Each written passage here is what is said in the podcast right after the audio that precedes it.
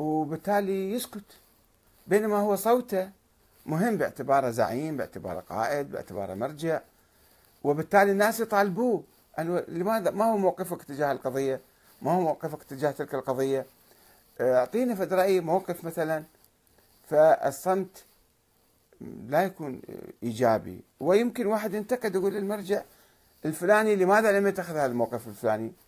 طيب إذا واحد اقترح أو قال فت كلام لا يعني أنه كفر ولا يعني أنه أهان المرجع ولا أنه صار مثلا يتحدى المرجع لا. يعني المفروض في علاقة متبادلة بين الناس وبين المرجع.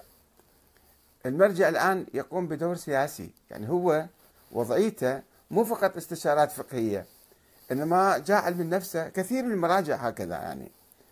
يعني يقول لك أنا مرجع أو مرجع أعلى يعني يهتم بالقضايا السياسية مو يهتم بالقضايا الفقهية الجزئية الطهارة والصلاة والنجاسة وال يعني المسائل الفقهية العبادية فقط لا في المسائل السياسية العليا أيضا. طيب عندما الناس يأنون ويعانون ويطالبون المرجع الفلاني بأن يتخذ موقف شوف بعض الناس مفروض فيهم معممين أو مشايخ أو علماء أن يعرفوا حدودهم يعرفوا آه، قوانين القانون الإسلامي.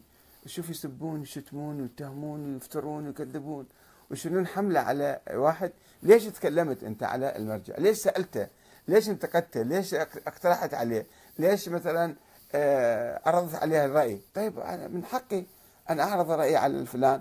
الإمام أمير المؤمنين عليه السلام كان يقول في خطبته المعروفة فلا تكفوا عن مقالة بحق أو مشورة بعدل.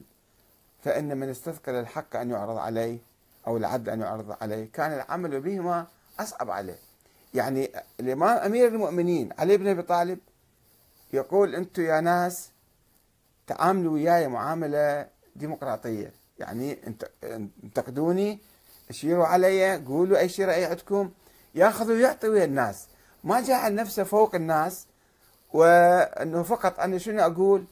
وشنو أي موقف أتخذه؟ أنتم عليكم أن تتبعوني. وبعد ما تسألون ولا تناقشون ولا تقترحون ولا تنتقدون ولا أي شيء. لا هذه صيغة مو صحيحة.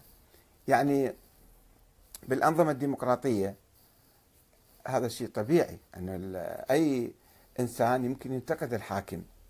ينتقد الحاكم يطالب باستقالته آه، يقترح عليه اقتراحات يعني يعترض عليه يتظاهر ضده يسوي أي شيء. هذا طبيعي. الحاكم هذا مو من الله من الشعب منتخب هو وكيل عن الناس ونائب عنهم أن يحقق أهدافهم ومطالبهم و يعني يعني يقضي حوائجهم. طيب إحنا عندنا الآن صيغة أخرى. عندنا شيء اسمه مرجع تقليد. هذا هو زعيم سياسي صاير. وربما أعلى من الحاكم المدني. بس ممنوع تنتقده. ممنوع آه، تقترح عليه اقتراح؟ ممنوع تعرض عليه في رأي؟ ممنوع تطالبه؟ ممنوع تسأله؟ ممنوع تناقشه؟ ليش؟ هذه العلاقة أنا أشوفها مو طبيعية. يعني تكرس نوع من الدكتاتورية الدينية في مجتمعنا. باسم المرجعية الدينية وفي هالة مقدسة نحيكها أو نرسمها حول المرجع أنه هذا فوق الكلام وياه أصلا ما يصير تتكلم وياه. ليش؟ هذه هذه مسألة خطيرة بالمجتمع. وإحنا في رمضان إذا نستغفر الله ونتوب إلى الله يجب أن نتوب من هذه الحالات الاجتماعية أيضا. أن نغير الحالة الدكتاتورية إلى حالة طبيعية حالة ديمقراطية وحالة إسلامية. هذه حالة هي الطبيعية الحالة الديمقراطية. يعني مثل ما قرأت لكم حديث الإمام علي عليه السلام. هذه الحالة الطبيعية. أن لا تكفوا عن مقالة بحق أو مشورة بعدل. عندكم شور علي أن أعدل كذا أسوي كذا. قولوا لي حتى أنا أمشي أطبق العدل. فما لازم إحنا آه، ما أعتقد أن السيستاني هو نفسه مثلا آه، يرفض النقد أو يرفض آه، الاقتراح أو يرفض النقاش لا. ولكن اللي حواليه الناس والثقافة الشعبية المشكلة. ناس ما لهم علاقة حتى بالسيستاني. تشوفوا بس انت تكتب كلمة أو سطرين ثلاثة تقدم اقتراح أو تقدم مثلا رأي تقدم شيء راسا يهبون عليك هبة واحدة وبلهجة أبدا بعيدة عن كل الأخلاق الإسلامية. سب وشتم واتهامات وافتراءات ومحاولة تسقيط وكذا كأنك تسوي انقلاب على المرجعية. يا عمي إحنا ما نسوي انقلاب نقدم اقتراحات